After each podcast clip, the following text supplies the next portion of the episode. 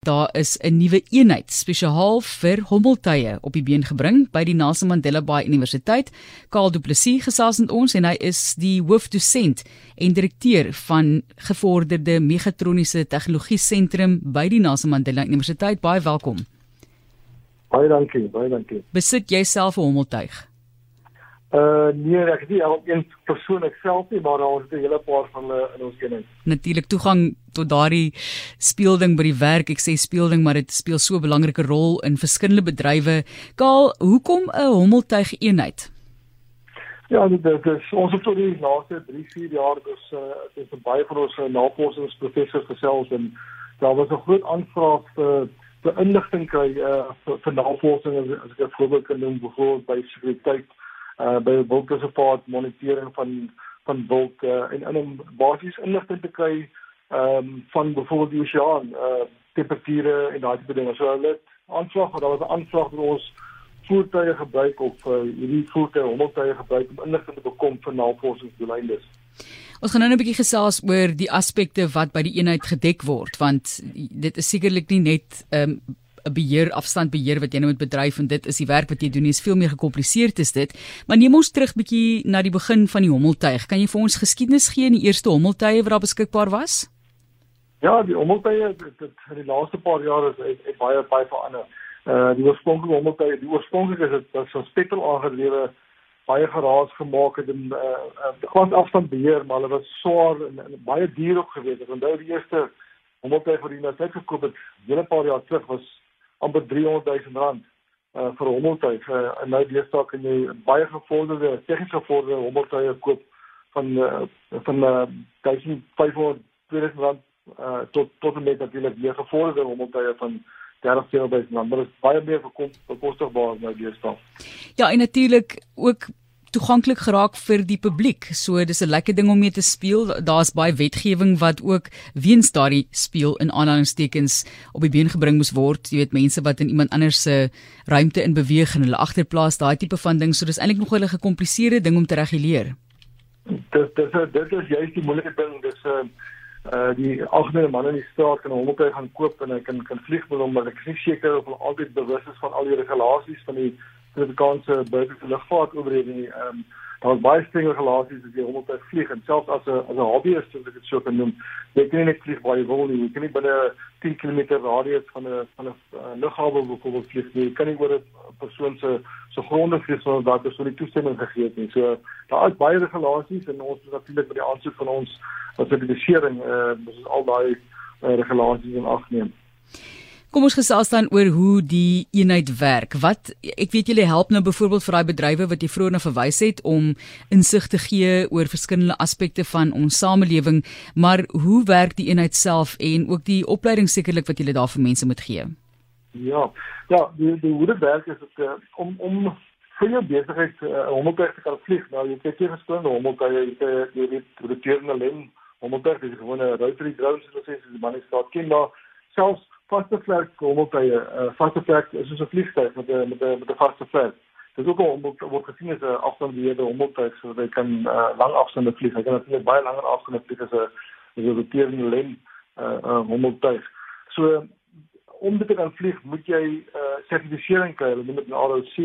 Dis 'n 'n Afrikaanse woorde vir dit is 'n uh, afstandbestuurde vliegtuigstelsel uh, bedryfsertifikasie moet jy sertifikasie kry om dit te kan kan vlieg uh um uh volgens die wet te kan kan vlieg by die SACAA. So as jy aangedoen vir vir daai sertifisering, dan dan kan jy dit vlieg maar ons doelwit in die begin was om prototipes te bou om die industrie te help. So ons uh, jy kan baie van die, die uh, motorie koop ehm um, uh, en en dit gebruik onmiddellik, maar ons wil nuwe tegnologie ontwikkel. Ons het 'n navorsingseenheid van die been gebring om nuwe tegnologie te ontwikkel uh, om spesifieke uh, uh, uh, werk te verrig. Aangesien julle eenheid gestig het, beteken dit daar is 'n toekoms vir hierdie hommeltuie natuurlik, want dit het nou so groot deel geraak van baie aspekte van bedryf in Suid-Afrika. Geef ons 'n idee van wat julle verwag van die toekoms van hierdie kan ek maar sê gereedskap.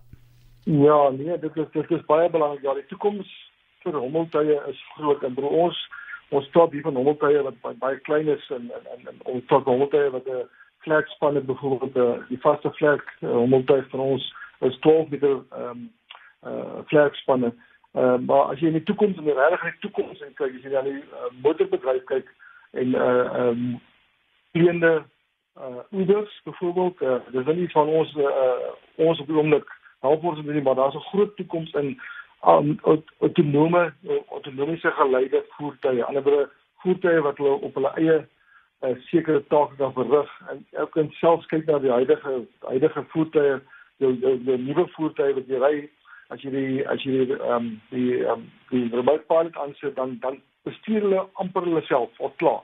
So so ek dink die toekoms en met voertuie is daar 'n groot toekoms vir dit.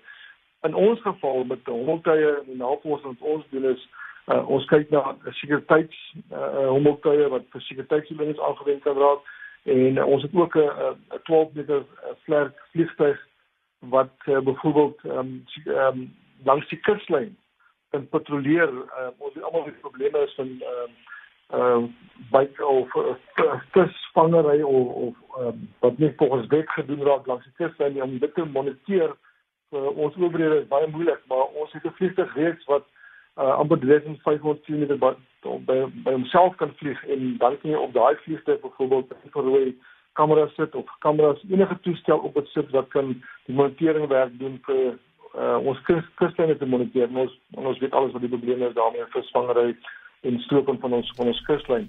So ons kan dit ook doen um, as jy dink aan aan uh, wildreservate en die monitering van diefstal van wild die monitering daarvan en alles met met die hommeltuie gedoen raak. Afhangende hoe lank die lig wil bly uh op 'n uh um uh, vaste vlek kom op of 'n roterende uh, uh lem uh, hommeltuig.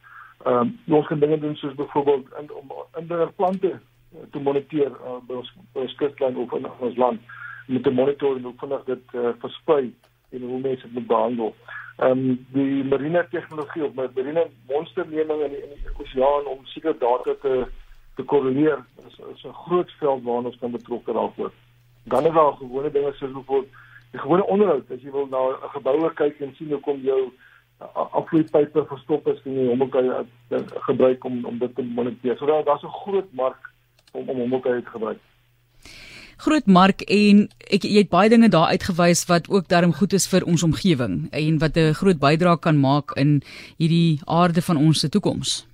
Hmm. Nee, 100% 100% reg. Wat belangrik is hier is dat ons ons mag nie die ons uh, sertifisering is nie vir kommersiële gebruik nie. Aan die ander ons mag nie ons dienste uitvier aan maatskappye om ons te gebruik omdat ons 'n uh, sertifisering het nie.